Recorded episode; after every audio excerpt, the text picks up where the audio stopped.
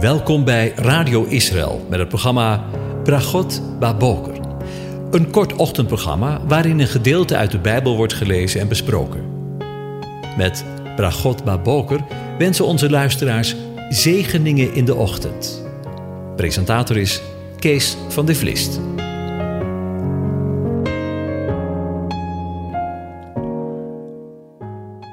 Goedemorgen luisteraars. Vanmorgen denken weer verder na over Psalm 119 en daarvan de versen 97 tot en met 104.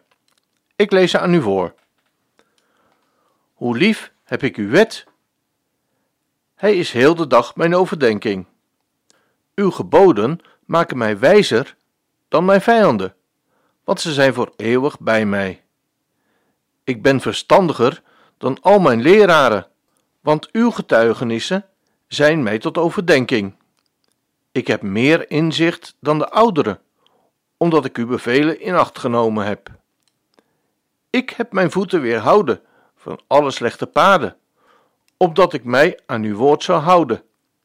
Ik ben niet afgeweken van uw bepalingen, want u hebt mij onderwezen.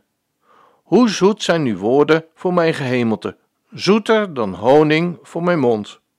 Door uw bevelen krijg ik inzicht. Daarom haat ik elk leugenpad. Tot zover. Over de mens gesproken. Ik weet niet hoe het u vergaat als u deze teksten leest en tot u door laat dringen. Maar bij het lezen van de verzen kwam bij mij de gedachte naar boven dat de dichter wel erg hoog van de togen blaast vandaag als zij zegt: Ik overdenk de hele dag uw wet. Ik ben wijzer dan mijn vijanden. Ik ben verstandiger dan al mijn leraren. Ik heb meer inzicht dan de ouderen. Ik heb mijn voeten weerhouden van alle slechte paden. Ik ben niet afgeweken van uw bepalingen. Misschien ga ik u vreselijk tegenvallen, maar deze woorden zou ik niet in mijn mond durven nemen. Deze woorden zijn in ieder geval niet op mij van toepassing. En wees eens eerlijk. Zou u deze woorden in de mond durven nemen en op deze manier tegen anderen durven spreken? Eerlijk gezegd denk ik dat er geen mens is op deze aarde rondloopt die deze woorden in de mond zou durven nemen. En toch, en toch, de woorden staan er. Is de Bijbel dan een boek waar we toch niet op kunnen rekenen of vertrouwen? Een boek dat sprookjes vertelt? Of is er misschien iemand anders aan het woord? Nee, er is geen mens op aarde die hier rondloopt en deze woorden werkelijk waarmaakt. Maar er is een oplossing voor ons probleem. Er is namelijk iemand geweest op deze aarde, die hier rondgelopen heeft en deze woorden voluit waarmaakte. Jezus, Yeshua. Van een oude leraar heb ik geleerd dat Jezus zich op elke bladzijde van de Bijbel openbaart. Zich op elke bladzijde van de Bijbel laat zien. Dat we op elke bladzijde van de Bijbel over Hem kunnen lezen. Ook in het Oude of in het Eerste Testament.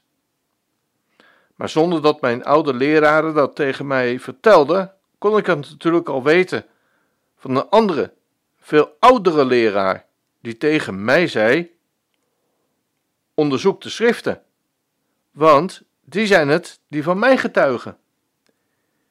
Inderdaad, je moet onderzoeken om hem soms te vinden in de schriften. En hier vanmorgen vinden we hem, zomaar, ineens. Hij zegt zelf in Johannes 5, want als u Mozes geloofde, zou u mij geloven want hij heeft over mij geschreven. Mozes heeft over mij geschreven, zegt Jezus. Waar dan? Vraag je je misschien af. Ik zal je een paar voorbeelden geven. Jezus openbaart zich al in de donkerste nacht van de mensheid. In Genesis 3, vers 15. Ja, zeg je, maar daar heb ik nooit over Jezus gelezen. Hoe kan dat nou? Nou, lees me mee. En ik zal vijandschap teweeg brengen tussen u en deze vrouw, en tussen uw nageslacht en haar nageslacht. Lees het maar na met een hoofdletter, dat zal u de kop vermorzelen, en u zult het de hiel vermorzelen. Een tweede voorbeeld waar de Heere ons in gesprek is met Abraham. En we vinden dat in Genesis 28. We luisteren mee met het gesprek. Waar Jezus zegt, of waar God zegt, en in uw nageslacht, met een hoofdletter, zullen alle volken van de aarde gezegend worden, omdat u mijn stem gehoorzaam geweest bent. En het derde voorbeeld vinden we in Deuteronomium, waar we lezen: Ik zal een profeet, weer met een hoofdletter, voor hen doen opstaan uit het midden van uw broeders, zoals u. Ik zal mijn woorden in zijn mond geven, en alles wat ik hem gebied, zal hij tot hen spreken. Er zijn natuurlijk talloze voorbeelden te noemen. Maar misschien denk je wel, ja, ho even. Al die hoofdletters die je net noemde, die staan er in de oorspronkelijke Hebreeuwse tekst helemaal niet. Daar kennen ze helemaal geen hoofdletters, man. Die hebben mensen er maar bij gezet, omdat ze denken dat het daar over de Heere God gaat. En dat is waar. Die hoofdletter die hebben wij er maar van gemaakt. Maar dan zal ik je nog een paar voorbeelden noemen, waar we Jezus, Yeshua, heel vroeg, zelfs bij de schepping van de hemel en aarde, zelfs bij de schepping van de eerste mens op aarde vinden. Ga maar mee naar Genesis 1, vers 27, waar we lezen: En God schiep de mens naar zijn beeld. Naar het beeld van God schiep hij hem. Mannelijk en vrouwelijk schiep hij hen. In het Hebreeuws staat hier voor het ons vertaalde woord mens het woord Adam. Dus staat er: God schiep Adam naar zijn beeld. Dat is opmerkelijk. Hier staat eigenlijk: als je Adam ziet, dan zie je mij. Die gedachte strookt misschien helemaal niet met wat je allemaal geleerd is. En wat je altijd geleerd is. Want Adam is nou niet bepaald het prototype van Jezus, als we over hem lezen dat hij van de verboden vrucht at. Denken we. Maar zullen we eens het geslachtsregister van Adam nagaan? Want de vraag kan zomaar opkomen: van wie is Adam eigenlijk een zoon? We gaan naar Lucas 3, waar we het geslachtsregister van de Heer Jezus lezen. Ik lees de versen 23 en 38. Vers 23. En hij, Jezus, was ongeveer 30 jaar toen hij zijn dienstwerk begon. Hij was, naar men dacht, de zoon van Jozef. En dan lezen we vervolgens de hele geslachtslijn. En dan eindigt de geslachtslijn met vers 38 met de woorden: Enos, de zoon van Seth, de zoon van Adam, de zoon van God. Dat is opmerkelijk. In vers 23 lezen we dat men dacht dat Jezus de zoon van Jozef was. Maar wij weten natuurlijk allemaal dat Jezus de zoon van God is. Maar dan ineens lezen we in vers 38 dat Adam de zoon van God is. Misschien is het vanmorgen een beetje moeilijk voor je. Of misschien hoor je dit voor het eerst. Of misschien moet je aan deze gedachte wennen. Maar we lezen in Romeinen 5, vers 14. Toch heeft de dood geregeerd van Adam tot Mozes toe. Ook over hen die niet gezondigd hadden met eenzelfde overtreding als Adam met eenzelfde overtreding als Adam, die een voorbeeld is van hem die komen zou. Nog een keer even het laatste gedeelte.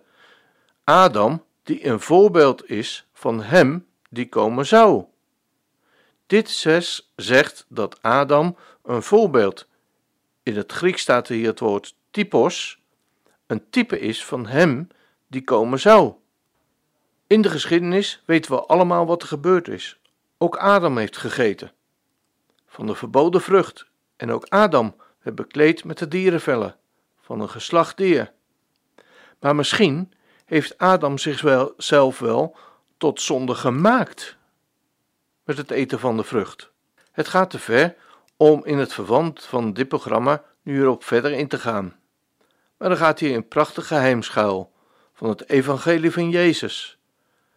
Dat Hij zich tot zonde gemaakt heeft voor jou en voor mij. Op de eerste bladzijde van de Bijbel vinden we het evangelie van.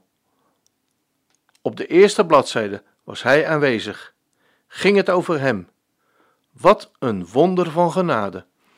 Ik wens u een van God gezegende dag toe.